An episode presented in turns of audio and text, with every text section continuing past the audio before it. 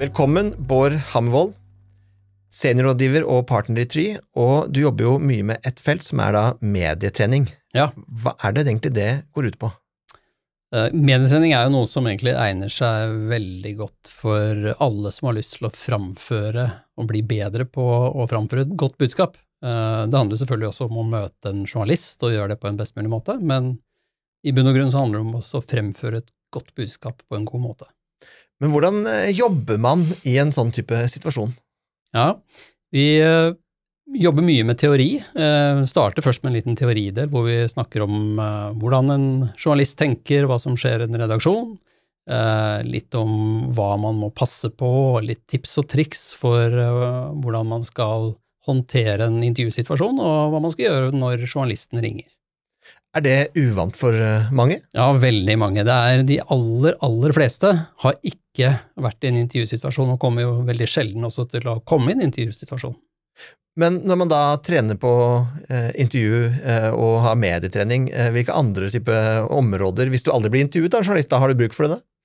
Ja, jeg mener at man alltid har bruk for det. Eh, å bli litt tydeligere på, eh, på budskapet sitt er, er, er, veldig nyttig, og spesielt for alle som, som, er i næringslivet eller i det offentlige, så, så handler det om det der også eh, kunne være veldig tydelig på, på, på, det man har lyst til å si. Det er bra for alle. Det er bra for, bra for demokratiet at vi er tydelige når vi, når vi uttaler oss, og det er, det er bra for, eh, for alle som, som, har et budskap som de ønsker å komme fram med. Men Hvis en eller annen form for virksomhet eh, kommer til deg og sier at vi vil gjennomføre en eller annen form for medietrening, hva, liksom, hva gjør man da? Hvor, hvor begynner man? Ja, det er jo å ringe til oss og få et forslag til et, et oppsett. Eh, vi gjør jo dette her på mange forskjellige måter. Det kan være alt ifra at det tar en, en halvtimes sparring på telefon, eksempel, til at vi møtes en halv dag og, og sitter i samme rom og jobber. Eh, jobber ut budskapene og filmer og, eh, og ser på, på, filmene sammen. Altså vi gjør live intervjuer sånn at det virkes og oppleves som et ekte intervju. Og så ser vi på det, og så kommenterer vi alt fra kroppsspråk til stemmebruk og eh, hvordan du står og hvordan du holder hender og i hele tatt alt som, som kan pirkes på, da. Eh, prøver å forbedre det løpende. Hva er det vanligste liksom, forbedringene mange har? Veldig mange har en tendens til å legge ut på en ørkenvandring, eh, så at de har altfor, altfor, altfor lange budskap. Og da trener man på? Da trener vi på å korte ned det. Hva er det du vil si, og hvordan gjør du det på kortest mulig måte? Eh, hvem er det du skal snakke til, og hva er det de er opptatt av? Eh, sørge for at du ikke bruker for mye fremmedord eller stammespråk. Eh, det kan være at budskapet ditt kan sies med veldig, veldig mange færre ord enn det du egentlig tenker selv. Jeg har også forstått at på forhånd så lager dere også ofte caser. Hva kan det være?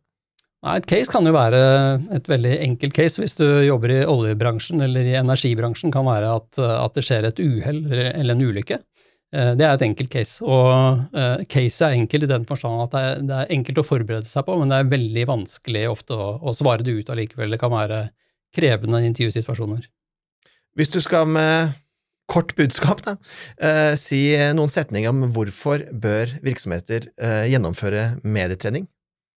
Ja, de fleste bør gjennomføre medietrening for å bli eh, bedre på å eh, lage korte, gode hovedbudskap som inneholder det de skal si. Altså si det de ønsker å si med få ord.